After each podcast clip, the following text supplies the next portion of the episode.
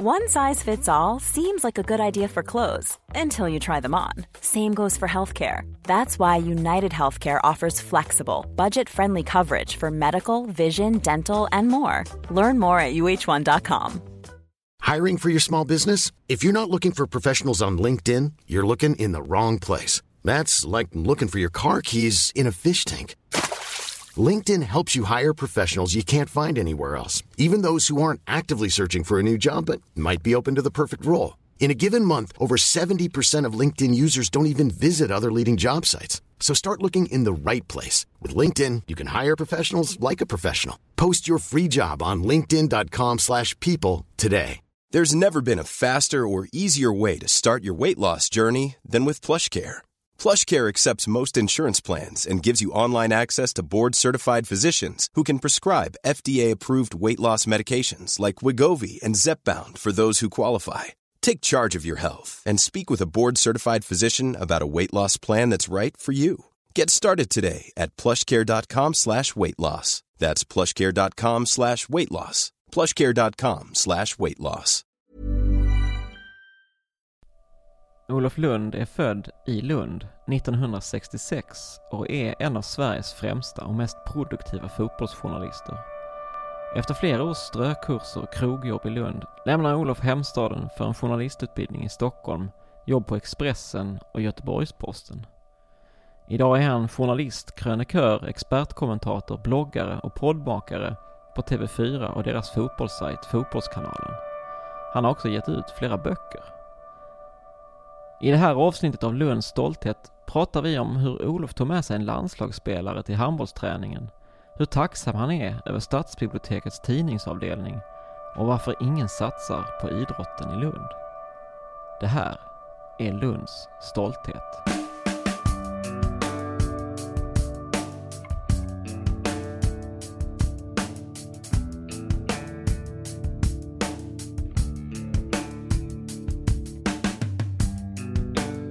Men först ska vi höra var i Lund Olof är uppväxt. Jag är uppvuxen på Tuna som ju då på 70-talet, eh, mina föräldrar flyttade dit när man byggde husen eh, på mitten på 60-talet. eh, Och väldigt nära Tunaskolan. Så att eh, där bodde jag väldigt länge tills jag flyttade till egen lägenhet på Södra Esplanaden. Sen bodde jag ett tag också på Hjortgatan inne i Kulturkvadranten. Om man, på för de som inte kan Lund eh, så att säga, var, om vi nu säger Tuna, var, var eh, om ge, ge någon form av perspektiv, var ligger detta? Det ligger, ja det är ju en bra fråga. Jag har aldrig funderat eh, så mycket på det. Då kändes det som det låg väldigt perifert. Idag när man går omkring så är det ju nära. Nej men det ligger ju nära Ekonomihögskolan och nära motorvägen eh, e E22 eller vad man säger. Det, var ju ett, ett, ett nytt område då men idag är det ju väldigt integrerat. Ja. Så mellan eh, professorstaden och Mårtsfälla, om det är nu. Men om man inte kommer från Lund så är det svårt att fatta. Ja, men det lilla Lund som jag växte upp i var ju ett eh, väldigt akademiskt präglat eh, präglade kvarter med mycket barnfamiljer som man hade otroligt kul och där ju idrotten var liksom central på många sätt.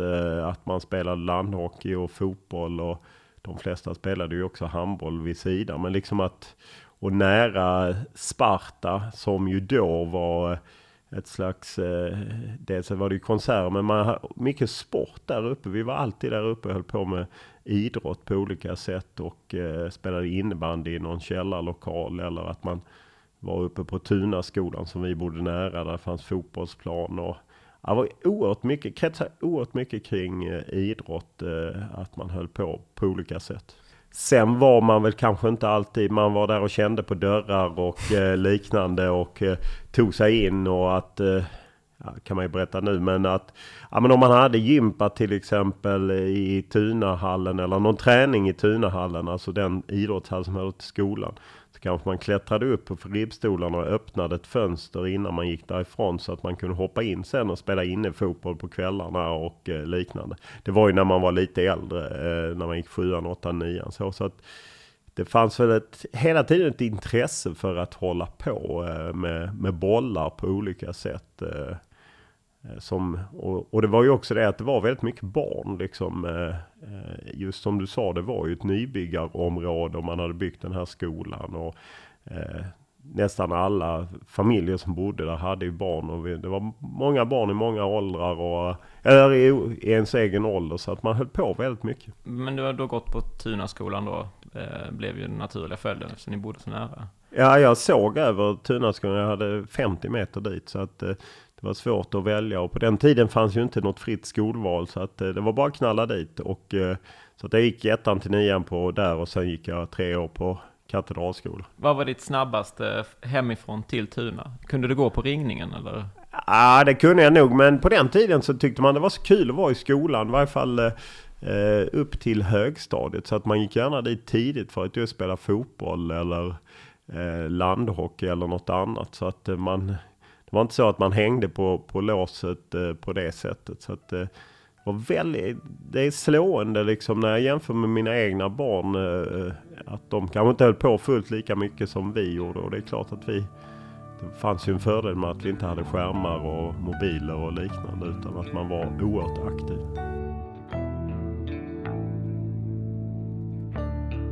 Spelade något år fotboll i Lundsborgs och sen var jag faktiskt med tror faktiskt att det var H43 som började med att ordna några slags ja, men lite lekartade handbollstävlingar eh, där man var i olika åldrar i samma lag spelade någon turnering. Men sen var det Lugi som började med organiserad eh, träning och på något sätt var det som att alla, det var säkert inte alla, men känslan var att alla var där från början och provade och, och jag spelade väl upp eh, till nian. Jag tillhör ju en generation eh, 66 år. Eh, just du nämnde Axel Sjöblad. Jag, det var ju därför han spelade. Fast han var 67 spelade han med 66 orna och han var ju rätt bra. Eh, på linjen där jag också spelade så var det Ola Jönsson hette den andra. Då var de två. Ola Jönsson satt väl på bänken i lag 1. Jag fick mest hålla till i, i lag 2 helt enkelt. För att jag räckte inte riktigt till i den konkurrensen eftersom jag är logist så känns det ju fel att säga att man började H43. Men jag tror faktiskt att det var H43 som höll i det. Eh, för jag tror faktiskt att det var en senare H43-spelare eh, som hette Bengt Wollmark som på något sätt tog med mig dit för att hans eh, föräldrar var goda vänner med mina föräldrar. Så att då blev det liksom att, att man gick dit och det var något uppe i Tunahallen och, och sen och på den vägen var det liksom att även för jag spelade ett år i Lundsborgs fotbollen hade inte eh, det genomslaget. Där går man ju ofta med kompisar och att man blir eh, kompisar. Och, så att eh, då började man eh, sakta men säkert med, med de här träningarna och matcher varje helg och så. Och, så att då blev ju liksom den organiserade idrotten också en del av ens vardag. Sen fyllde man ju på det med massa egenorganiserad idrott. Fanns det liksom några andra sidointressen här som, som drev dig samtidigt? Ja, det, alltså det sidointresse till idrott och vad som är hönan och ägget är ju alltid svårt att veta. Men jag fastnade tidigt för att läsa tidningen och då blev ju sportsidorna det som eh, lockade mig. Om det var att jag var intresserad av sport och därför började läsa tidningen eller inte vet jag inte. Jag kom från ett hem där min pappa var extremt intresserad av medier. Han var nyfiken helt enkelt och han hade två morgontidningar. Och han bejakade alltid om man ville eh, köpa en bok. Eller han tog mig mycket till stadsbiblioteket både i Lund och vi var på Österlen sommaren. Då åkte man alltid till biblioteket i Simrishamn. Och där läste man ju tidningar och lånade böcker. Så att det är väl det andra eh, stråket som liksom eh, uppmärksammas och som som eh, liksom bejakas och som gör att jag fastnar för det eh, och blir väldigt intresserad av, av att läsa. Jag är också nyfiken helt enkelt. Det var ju en rätt akademisk värld eh, som jag växte upp i. Det var rätt många som hade, man hade ofta, eftersom det var akademiskt och kanske åt det borgerliga hållet, så hade man väl Sydsvenskan och antingen Svenska Dagbladet eller DN. Det vill säga man hade en Stockholmstidning och en lokal tidning det var fler än eh, mina föräldrar som hade det. Inte alla, men det var fler än mina föräldrar. Eh, och, eh, men det räckte ju inte för mig, för jag köpte kvällstidningar också. Jag började köpa Expressen när jag kanske var tio år. Och det var ju en tidning som kanske i mitt hem som man inte, som man såg ner på lite. Var det så? Ja, ja men kvällstidning stod för någonting annat. Men jag var liksom inte, jag fick inte, jag blev inte tillräckligt tillfredsställd av bara morgontidningar. Utan jag behövde en kvällstidning också för att få ännu mer om sportens värld. Och då var jag väldigt brett intresserad av sport. Och man gick ju på Lugis matcher. Jag, nyligen eh, så la ju Lugi ut lite rörliga bilder från SM-finalen 1980. Som jag tyvärr, jag var sjuk så jag var tvungen att följa den eh, på radio. Men då kan man ju se det att folk står bakom målet. Vilket vi gjorde när vi var små. Att man, det var också en del av att man trä, eller man spelade i Lugi och så på hemmamatcherna så sålde man program. Så att, eh, och då tror jag man fick en läsk eller något sånt. Eller, eh, och, och sen fick man då se matchen och då såg vi ofta bakom mål. Vilket ju är rätt otroligt med tanke man kunde fått ett skott i huvudet eller något sånt. Jag tänker också det. Eh, men det var ju det var ett annat säkerhetstänk på 70-talet. Man åkte ju även bil utan säkerhetsbälte och föräldrarna rökte i bilen. Så att, det är mycket som har, det är mycket som har ändrats. Ja, de rökte inte bara i bilen, de rökte väl... Överallt, men bilen var lite extra instängt just. Ja. Men efter SM-guldet så spelade Lugi i Europa och då vet jag att min mamma, för jag ville väldigt gärna gå och se den, då köpte hon biljetter på Hasses kläder. Som man, det är ju där man köpte alla Lugis biljetter. Så att jag och några kompisar faktiskt satt mitt på läktaren. Det är en av få gånger som jag liksom som liten satt eh, ja, på en riktig plats helt enkelt.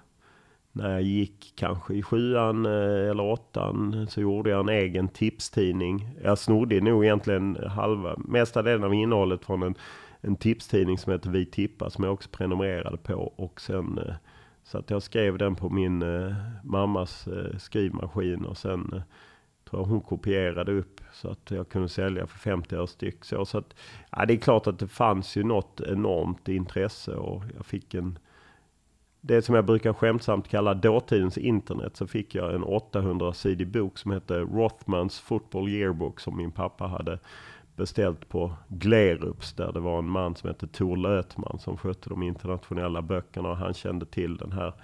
Där var 800 sidor om allt om engelska ligan så att när jag hade tråkigt på lektioner på Tunaskolan så brukade jag eh, roa mig med att skriva ner alla de 92 ligaklubbarna och deras hemmaarenor på ett liksom litet papper där. Ja, precis. För att det var så tråkiga lektioner.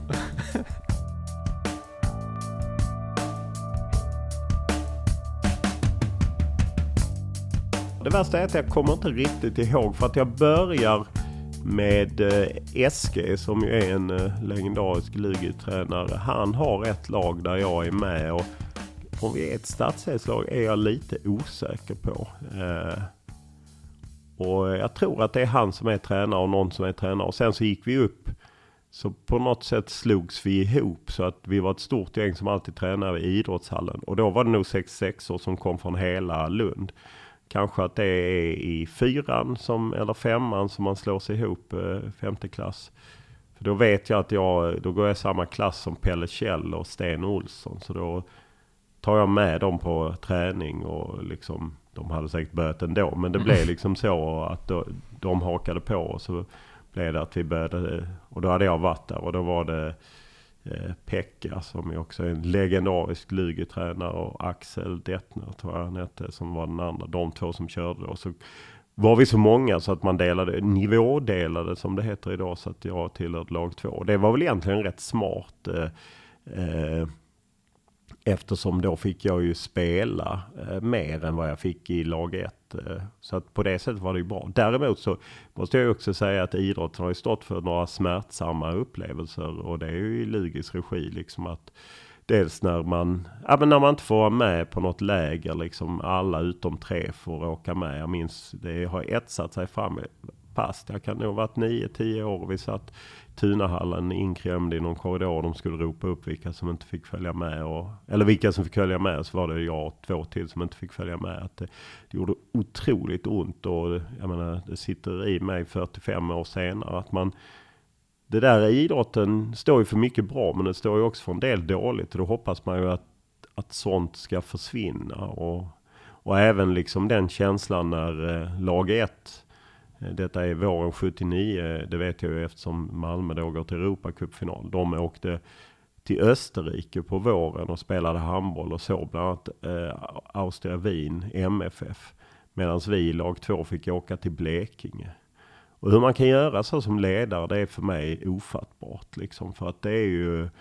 Eh, äh, jag tycker det är för jävligt liksom. Och jag önskar att jag kunde sagt någonting då. Eh, men det gör man ju inte som tolvåring. Utan man bara sitter och tar den skiten.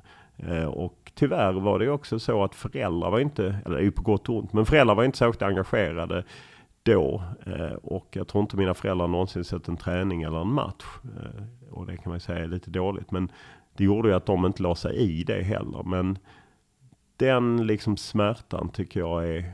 Alla kan ju inte göra allt, men man får ändå försöka se att, att jämna ut. Att göra det så stor skillnad, det tycker jag är förjävligt.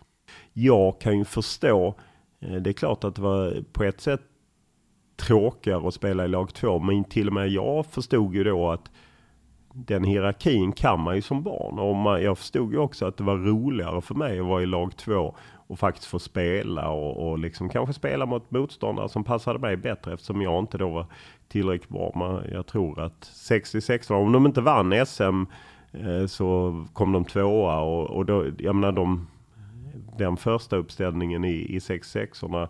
Flera av dem blev ju landslagsmän och vann SM-guld och jag menar Axel Sjöblad vann ju flera medaljer innan han la av väldigt tidigt. Så att det var ju inte vem som helst jag konkurrerade med. Så det fattade jag. Men det är just den typen av liksom belöningar eller att man inte kan se till att ja men varför kunde inte vi tre få hänga med på den kuppen? Liksom. Ja. Det blev en sån, ja. Så att just det hoppas man ju att idrotten har kommit ifrån och att, att man tagit ett kliv från det. Men eh, det är väl nog en fåfäng förhoppning. Ja, jag tror, eh, både och tror jag. Man jobbar ju idag utifrån, det finns ju barnkonventioner som ska styra eh, lagidrotten eller idrotten i stort. Men det är ju fortfarande folk som ska tolka och driva föreningar och föreningslivet bygger på ideella krafter och föräldrar och det är klart att det finns en Ja men det finns ju utbildningar att gå och det finns ju liksom steg att ta. Men det är ju fortfarande utifrån eh, den, den enskildes beslut oftast.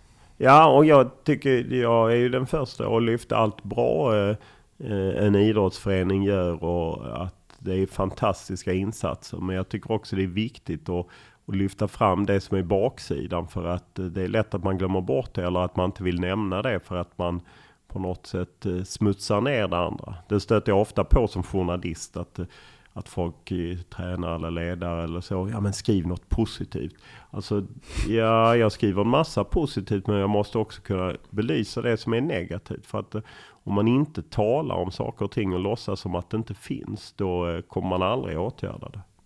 Har du någon gång funderat på, men om jag hade fått träna med, eh, om du säger att du slutade, hur gammal var du då? Jag slutade i nian. Ja, jag kan ju ångra att jag slutade, men det var ju lite för att eh, man blev inte uppmuntrad att fortsätta, utan man blev snarare liksom de, ty, de ville inte eh, ha det. Och jag kan, jag kan känna att där hade ju funnits någonting. Där, jag hade ju egentligen fortsatt, jag älskar ju för att man kan säga att min idrottskarriär var kort å ena sidan.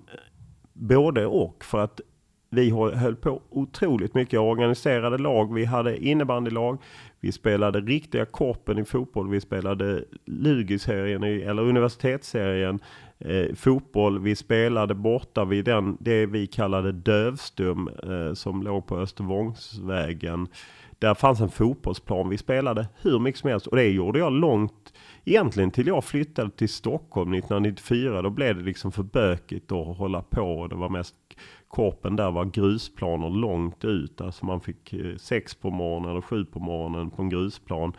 Eh, en timme ut med tunnelbana lockade inte. Men fram till jag är 28 så spelar vi otroligt mycket fotboll och, och så. Så att jag höll ju igång själv på egen kraft och jag kan känna att det var oerhört synd att inte handbollen var mer välkomnande eh, för att det blev så elitsatsande. Och ja, jag förstår ju, de var ju otroligt skickliga. Pelle Kjell och Daniel Roth och Patrik Åsvärd och alla de. Men det borde funnits utrymme för att hålla mer kan jag, kan jag känna. Om en, eh, en Olof Lund hade tränat vidare så att säga, gett svans. Tror du att du hade haft en, Eh, en annan utveckling då? Ah, det tror jag inte. Jag tror inte att jag liksom hade nått elitnivå så. Men däremot så tror jag att man eh, att handbollen hade kunnat behålla mig på ett annat sätt. Eh, dels hade man ju gett eh, någonting till samhället i form av att jag hade kanske varit ännu mer vältränad och alltså så.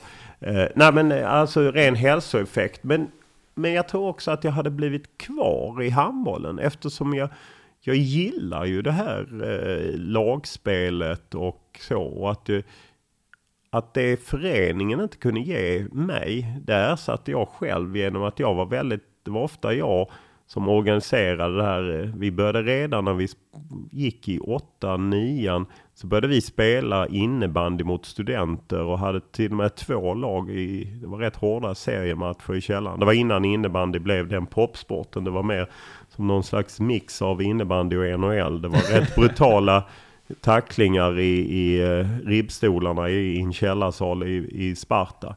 Men så att vi... Och där fanns inga sargar och grejer då, ska man också säga. Utan inga sargar. Det fanns bara väggar och, och så fanns det ett säkerhetsskåp i ena hörnet. Där jag vet någon tacklade in någon som bröt nyckelbenet.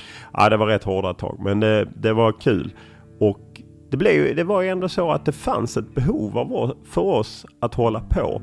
Och då blev det på något sätt att vi ersatte det eh, när det inte fanns i handbollen.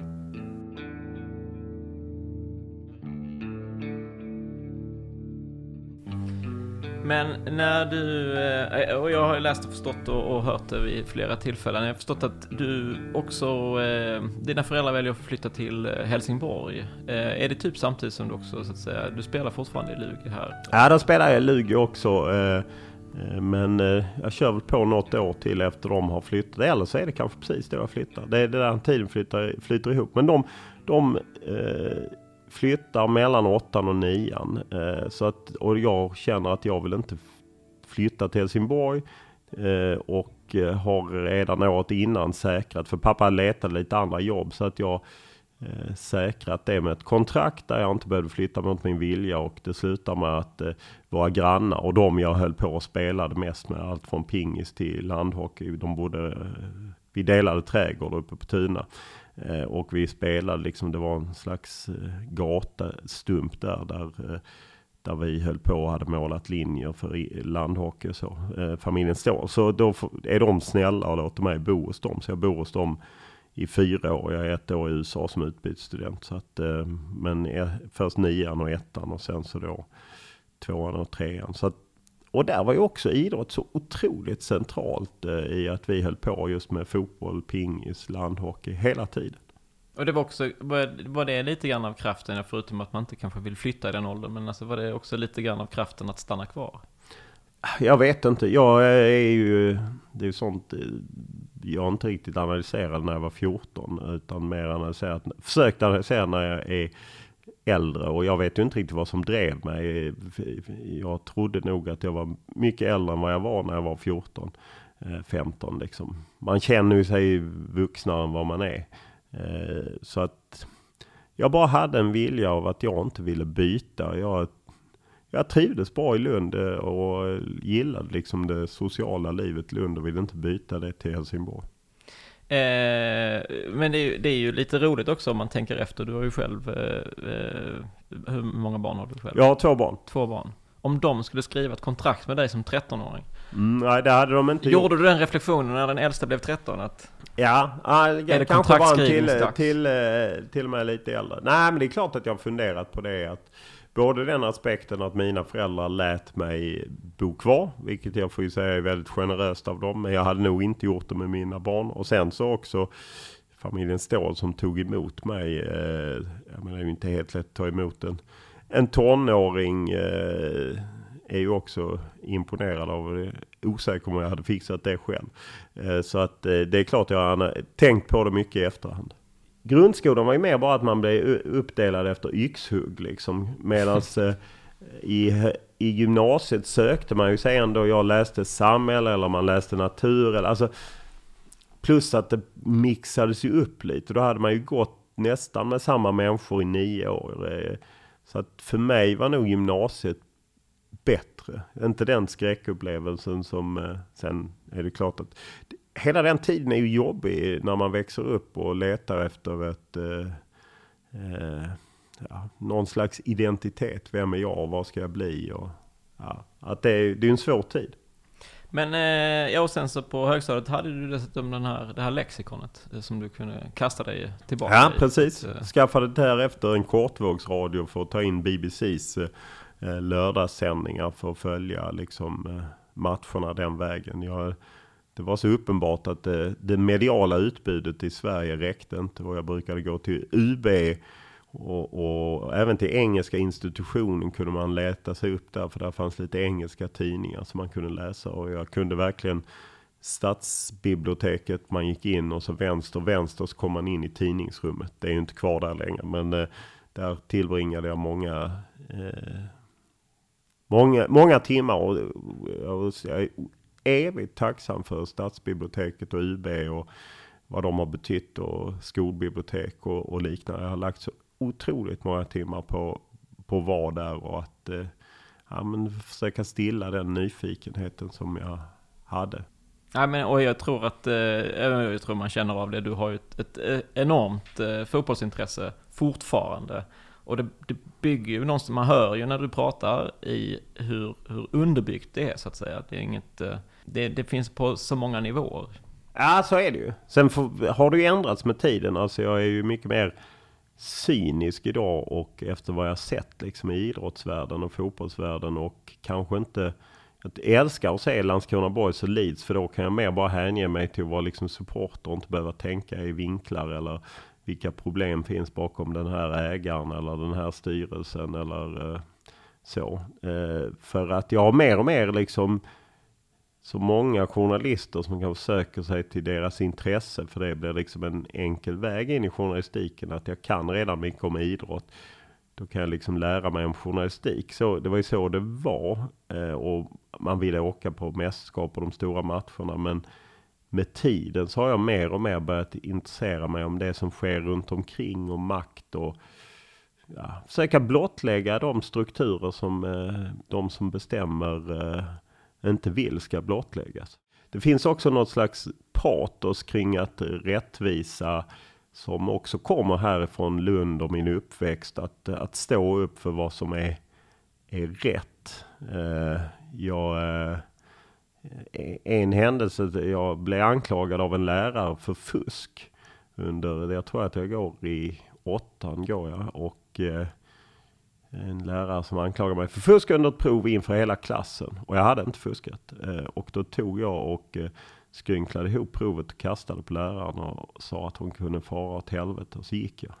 För att det var så grovt för mig att bli anklagad för fusk. Och dessutom inför alla då? Ja, inför alla. När jag, när jag inte hade liksom fuskat. Hade hon tagit mig om jag hade fuskat och hon hade tagit mig så hade jag aldrig reagerat så. Men det, jag stod upp för min rättvisa och gick. Det var ju inte helt eh, okomplicerat för mina föräldrar eftersom eh, hon bodde i vårt kvarter och eh, det var ett, jobbigt samtal när min pappa skulle ringa dit. För då, han gillade ju inte sånt. Men jag har alltid velat, jag har alltid försökt stå upp för mig själv och att jag vet inte riktigt var det kommer ifrån. Och det följer liksom med in i journalistiken. Att det här att jag vill ha, jag vill att det ska vara rätt. Att, att stå upp för sig själv är ju kanske inte rebelliskt i sig, men det är ju en stark personlighet. Men jag upplever det bara från sidan så att säga. Men då tänker jag att du är lite grann av en rebell i, eh, i det sammanhanget du befinner dig.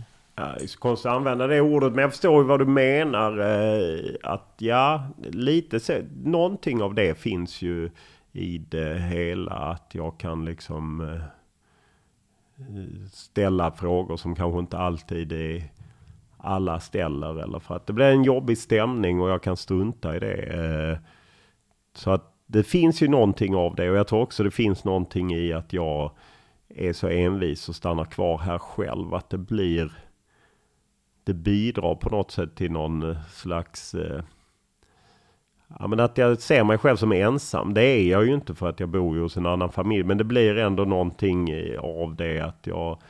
Ja, men jag får och den föräldragenerationen och mina föräldrar och andra i den generationen, de var inte så engagerade i ens barn. De hade ju inte sån jättekoll på vad man höll på med. Det gjorde att man fick ta mycket egenansvar och jag får kanske ta lite extra egenansvar eftersom jag driver igenom och stanna i, i Lund. Och eh, det är ju på gott och ont, det måste man verkligen säga. Det finns ju baksidor av det, men det, det gör också att det driver fram den här eh, ja, någon slags eh, ensam varg av något slag.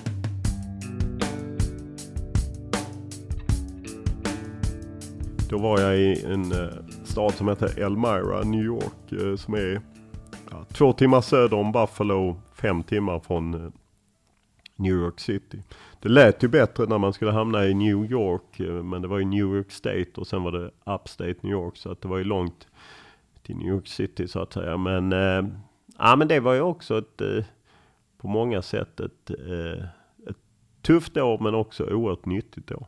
Men det förstärker ju också den känslan att man är, då åker man ju verkligen ensam och man ska ta hand om sig själv och jag bytt familj några gånger för att ja, de hade små barn och det lirade inte riktigt. Men sen hamnade jag i en fantastisk familj som jag fortfarande har kontakt med. Den mamman lever fortfarande. Hon är 82. Nej, 84. Och har fortfarande kontakt med henne och träffar henne bara här om året och så. så att, Vad häftigt. De, har verkligen varit en, ett, också en stark influens. Men eh, att åka till USA då, när är detta? 80 någonstans? Ja, detta är 83. Mm. Eh, och eh, vi hade varit, min pappa jobbade i Philadelphia slutet på 60-talet när jag är några år. Och så att jag minns ju inte det i princip. Men USA var en oerhört stark prägel på vår familj. Vi kom hem med en stor amerikanare. Eh, som min mamma körde omkring i och jag hade en amerikansk flagga och så. Och detta är ju mitt liksom under 70-talet. Eh, Vietnamkrig, eh, USA är bland det fulaste som finns. Eh, men jag vet inte om det fanns någon eh, vilja att liksom stå upp för, för USA även trots det. På, på samma sätt som jag liksom stod upp för att jag gick och köpte en kvällstidning. Att ja, jag ville liksom gå min egen väg. Jag ville inte att någon annan skulle bestämma eh, över mig att USA var inte något vi uppskattade. För jag uppskattade USA. Så därför hade jag en dröm att komma tillbaka.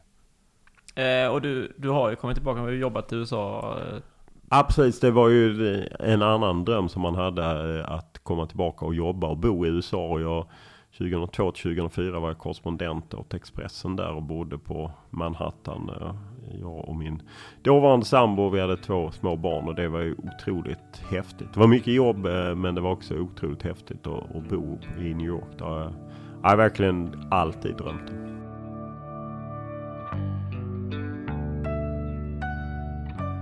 Jag gjorde militärtjänst och efter militärtjänsten så gick jag bara upp och skrev in mig på ekonomisk historiska institutionen. Mest för att få ett studielån och eh, då var det inte så svårt att komma in på det.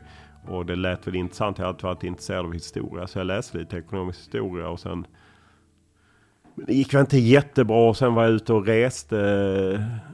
Eh, och så kom jag tillbaka och så läste jag statskunskap och nationalekonomi. Men jag hade ingen aning vad jag skulle ha, ha det till. Så jag började jobba på krogen för att finansiera mig. Alltså det som är nu heter Tegnérs hette ju krogen då.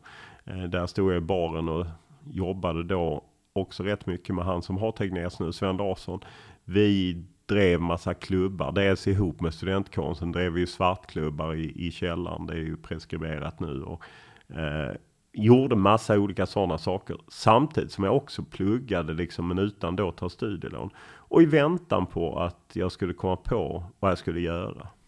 Krogen med CH, fint. Eh, Precis, härligt. Krogen Krogen som det heter. Exakt, Krogen Krogen. Eh, är det där du träffar Sven Larsson? Ja, precis. Ja, vi hade stött på varandra i studentkretsar också. Ja. Han var ju väldigt aktiv i studentkretsarna. Jag var ju som uppvuxen i Lund så hade man ju sett alla de här teknologspex och folk i overaller och så. Så jag tog ju, som jag känner att rätt många som är uppvuxna i Lund är ju inte så engagerade i, i studentköret. Och jag det finns en naturlig skepsis eh, Precis, och jag kan ju fortfarande få ångest när det delas ut sånghäften. För jag har aldrig, aldrig riktigt köpt det liksom. Eh, jag gick i och för sig karnevalståget 1990, det var fantastiskt roligt. Men det, eh, där kan jag ju tycka i efterhand att, att jag var feg som inte flyttade härifrån. Men samtidigt, man hade, jag hade det lite för bra med jobbade på krogen och tjänade okej. Okay, och hade väldigt kul och eh, ja, pluggade lite då och då och väntade på att jag skulle...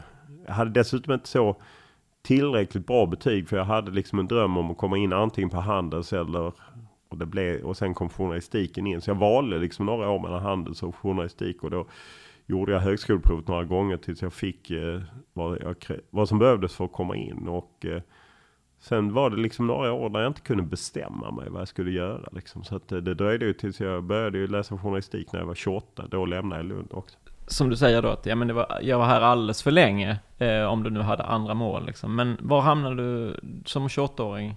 Ja men då var, hade jag valt flera gånger mellan Handels och Journalisthögskolan. Men jag har inte börjat på någonting. Eh, och eh, ja, men då bestämmer jag. Då har jag varit och rest. Eh, vi skulle egentligen köpa det som heter Raurakel. För det hade vi drivit som en egen krog. Det hette dock Etablissemang 1 under våren 94. Så att jag och Sven Larsson och en kompis till, Fredrik Holm, drev det. Eh, men eh, jag bara tröttnade på krogbranschen. Otroligt slitigt och jobbigt. Och jag drog till USA, och såg hela USA-VM på plats en kompis och min då... Inte som journalist då? Nej, nej, som supporter. Som jag hade support. rest mycket som eh, supporter på slutet. Jag var på VM 90 och EM oh, 92 och så. Men då bara bestämmer jag mig. Ja men då har jag kommit in på journalisthögskolan. Jag har sökt Skurup, kommit in där. Men jag har sökt JMK i Stockholm, kom in där och flyttat till Stockholm och började läsa journalistik. Och, eh, så att det är ju liksom, jag började läsa där när jag är 28 och är klar när jag är 30. Så att jag var ju rätt sent ur startgroparna föll poletten ner när du började där? Att, Nej, det kan jag inte säga. Men det var ju, det var ju mycket lättare att koncentrera sig på studierna eftersom jag menar, man har inte så mycket annat som drog. Och man var ju mer fokuserad när man är...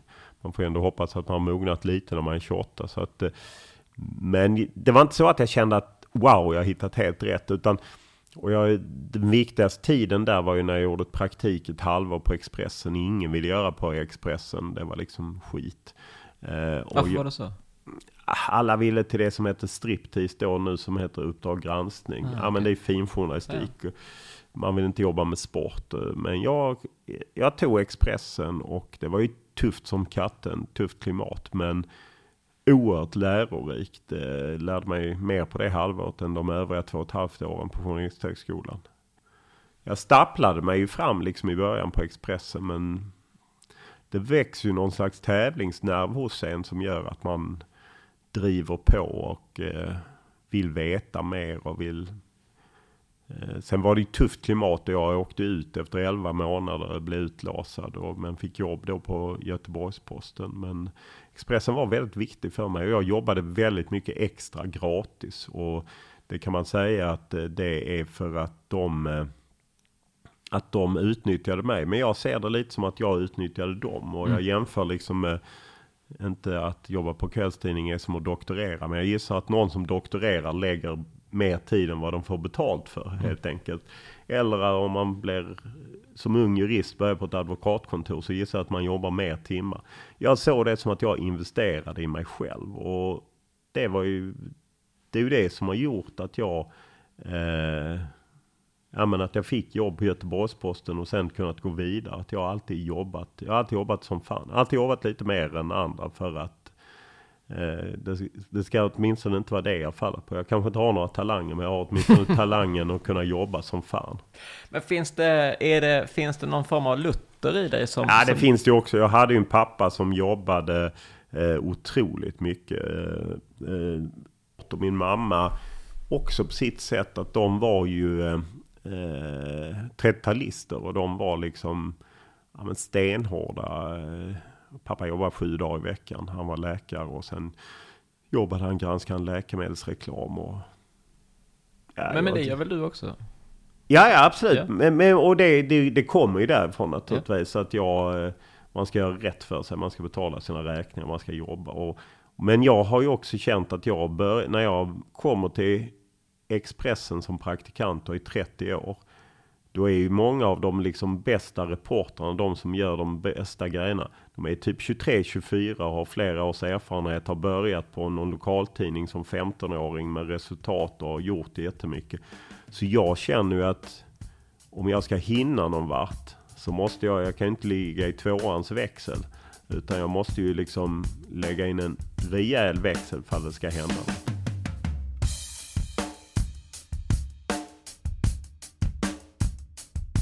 Sven Larsson, vi kastar oss tillbaka till, till honom här. För han var ju speaker för Lugi under eh, många år. Följde du handbollen även under den här perioden? Ja, det blev ju mindre och mindre. Men det är klart att jag följde. Dels spelade ju många av dem man hade spelat med då på 80-talet, en bit in på 90-talet. Och det, så att ja, nej men jag gick ändå och kollade och jag gillade att läsa det bakom pelaren med Jan Mårtensson där han ju skildrade. Jag minns just att jag, när han tog ut i Sydsvenskan, då hade jag flyttat från Lund. Men jag skrev ett mail till honom när han skulle plocka ut nytt, sitt All-star-lag, vilket han ville ha. Då mejlade jag att jag ville just ha Sven Larsson som speaker också. Det hörde till liksom. Och, de hade ju ett känsligt förhållande. Ja, det hade de kanske. Ja. Men eh, han, flik, han tog in den tidningen. Jag har till och med kvar den kolumnen. Eller om jag fick den faxad av mina föräldrar. Så jag, om det faxet inte förbleknat. Någonstans ligger det. Jag gillade Jan Mårtensson. Så att, ja, men jag har ändå hängt med i handbollen. Och jag var... Eh, jag har haft lite kontakt med Axner som ju... Han var kompis med Pelle Kjell och honom lärde man känna. och eh, eh, när han kom tillbaka så jobbade han ju på TV4 så träffade jag honom där och jag var nere liksom när Sverige, när, Sverige, när Lugi slog Kristianstad i den semifinalen och gick till final. Jag var nere på finalen mot Alingsås och så. Så att lite koll har jag ändå haft och försöker liksom hänga med vad som händer. För, för idrotten i Lund, eh, om man bara, eh, den, det, är inte det, det är inte det man förknippar mest med staden. Nej, och det är ju så trist att eh, företag och liknande inte vill satsa mer på idrotten. För att eh, sen är ju sprutar ju fram talanger handbollssidan men även fotboll. Jag, jag var ju här eh, innan denna intervjun eh, så var jag här och gjorde en livepodd bland annat med Ivo Pekalski som ju är duktig fotbollsspelare. det är många fotbollsspelare som faktiskt kommit hit trots att fotbollen är lite på undantag. Eh, men det är ju som att elitidrott, det är inte tillräckligt fint i Lund. Eh, jag känner ungefär som att man ser på kvällstidningar, så ser man på idrott. Och man liksom, jo det är, det är bra idrott, men liksom det är inte elitidrott, det är inte så fint. Det var ju Arne Paulsson då som glasmästaren som har pumpat in lite pengar. Men jag menar, att Tetra Pak och sådana företag inte gör mer. Nu vet jag att de liksom, även om Rausings fortfarande är, är, stora ägare så bor ju inte de i Lund längre och det finns kanske ingen så stor koppling i, i ledningen och, och det finns ju andra företag som inte heller liksom pumpar in de eh, pengarna i idrotten som behövs. Så att eh, eh, det är lite synd att, eh, men det är ju något typiskt. Det är ju li, nästan lite likadant i Uppsala där ju förvisso Sirius fotboll nu är uppe. Men där basketen där de var duktiga har gått i konkurs och eh, det är som att i universitetsstäder är idrotten svårt att få fäste på ordentligt.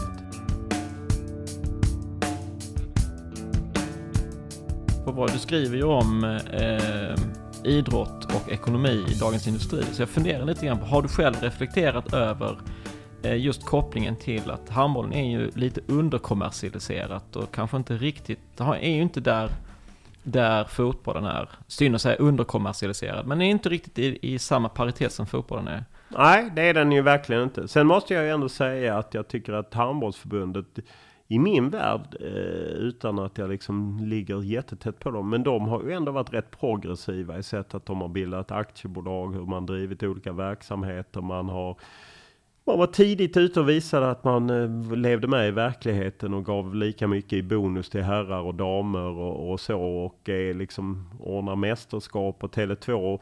Det var ju ändå ett succémästerskap trots att eh, Sverige inte gick dit. Och, så jag tycker ändå man gör många rätt saker. Men det är klart att man har svårt att konkurrera med fotboll och hockey som är så viktiga. Eller de är liksom så mer etablerade. och eh, Kristianstad är väl undantaget som har haft väldigt bra publikdrag och så. Det är ju... Det blir liksom inte den eh, tändningen i, i, i Lund för att det är på något sätt som att det är fult att bli... Eh, för jag känner igen det från min uppväxt. Det, är, det, det tas inte på allvar, eh, idrott. Eh, och eh, man tycker det är liksom ja, inte så fint helt enkelt. Och, och, det är inte fint att tappa huvudet på en läktare. Jag menar, åk till Malmö och se inramningen som Malmös matcher där. De är ju häftiga och där lever hela staden. Så är det ju inte i Lund utan här lever man för andra grejer. Men handbollen, är, det är intressant att hur man skulle kunna liksom lyfta det ännu mer. Eh, eh för att det är, det är ju en oerhört populär sport och det ser man ju landslaget är jättepopulärt och de har höga tittarsiffror men när det är tillbaka i elitserien så är det en annan lunk på något sätt och det blir inte samma. För det är en fantastisk tv-sport och vi sänder ju det på Simor, min arbetsgivare och jag inbillar mig att eftersom vi fortsätter sända det så måste det vara då går det i varje fall att räkna hem. jag att, tror att tittarsiffrorna är rätt så höga. Ja. Eh. eh sen eh, tittarsiffror ska man inte stirra sig blind på så mycket för att eh, det är, en liga måste bära sig på att folk betalar för det. För att, okay. att, att SVT har, de kan ofta säga kolla den matchen, vi hade 400 000 så kollar man på de tittarna och då är ju alla 70 år äldre. Eller, mm. Och de är inte så intressanta för reklamköpare. Mm. Det kan man tycka vad man vill om, det är verkligheten ännu så länge. Så att det handlar om att skapa abonnemang och Uppenbarligen så funkar det och eh, det är klart att man säkert hade kunnat göra mer med liksom lite fastare tider. Jag tror att hockeyn och fotbollen vinner mycket på att man vet vilka dagar det är. Sen kanske det är så att handbollen måste anpassa sig till de andra sporterna och, och, och liknande. Men jag tror att det hade funnits mycket att vinna med kanske någon samlad omgång. Att man visste att veckans match är på fredagskvällen eller torsdagskvällen. Alltså så. Men det är ju svårt. Det, det kräver ju offensiva tag helt enkelt. Ja, det har varit eh, intressant att se, för att eh, din, din kunskap om, om, eh, om fotbollen och allting som händer runt fotbollen är ju enorm. Men jag tänker att du skulle säkert kunna dra den parallellen ännu djupare in i, i handbollen. Ja, jag ska fördjupa mig i det någon gång i en krönika. Det är ett bra ämne. Lunds bästa fotbollsspelare, vem är det? Ja, det måste ju ändå vara Martin Dahlin eftersom han är född och uppvuxen här. Och Roger Ljung är väl den som kan konkurrera känner jag eftersom de bägge var med 94 och eh, men Roger var ju faktiskt från Lomma även om han spelade i Lunds BK. Eh, han är 66 som jag. Så att det måste ju ändå bli eh, Martin Dahlin sett till vad han åstadkom. Och har du motsvarande person som handbollsspelare? Lunds bästa handbollsspelare tror du? Har du någon som du... Uh, Sten Sjögren poppar upp eftersom han var så stark och eh gjorde mycket mål. Men eh, det, där har man ju många favoriter. Jag eh, gillar ju Pelle Kjell och tyckte det var synd att han inte fick mer eh, speltid i, i landslaget. Det är ju för han i och för sig en vän och jag hoppas ju mycket på Kasper Kjell nu. Eh, det känns häftigt att se att Pelles son går i hans fotspår. Men Sten Sjögren är väl någon liksom, som sticker ut. Sen gillade jag alltid Kent Jönsson på linjen för jag själv spelade på linjen. Han var lite härligt rå.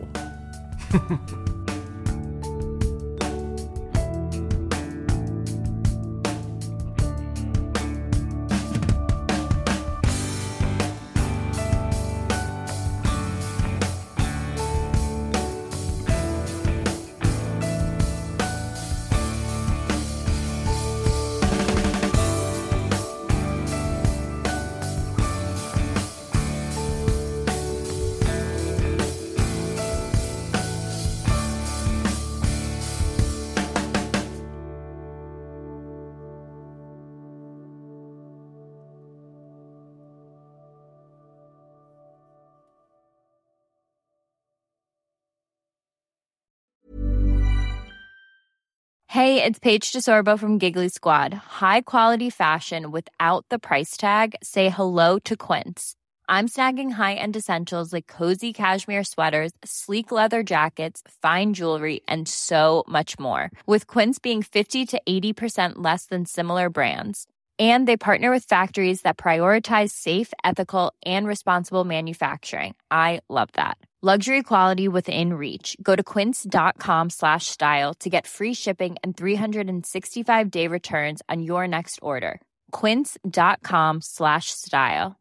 Mom deserves the best, and there's no better place to shop for Mother's Day than Whole Foods Market. They're your destination for unbeatable savings, from premium gifts to show-stopping flowers and irresistible desserts. Start by saving 33% with Prime on all body care and candles. Then get a 15-stem bunch of tulips for just $9.99 each with Prime. Round out Mom's menu with festive rosé, irresistible berry chantilly cake, and more special treats. Come celebrate Mother's Day at Whole Foods Market Market. Are you ready for truly hydrated skin? Meet Hyaluronic Body Serum, a breakthrough in body care from Osea. It's clinically proven to instantly increase hydration by 161%. Their lightweight, fast absorbing serum delivers 24 hours of nonstop hydration for silky smooth skin without the sticky afterfeel. Osea's latest innovation combines the magic of their best-selling hyaluronic sea serum with a new formula that's good for the whole body and five types of hyaluronic acid to target every layer of the skin. Osea is a women-founded, women-led brand that's been crafting seaweed-powered products for nearly 30 years. The best part? Everything Osea makes is clean, vegan, cruelty-free, and climate-neutral certified, so you never have to choose between your values and your best skin. Treat your skin to clean, vegan skincare from Osea. Get 10% off your first order site-wide with code SUMMER at OseaMalibu.com. That's O-S-E-A Malibu.com code SUMMER.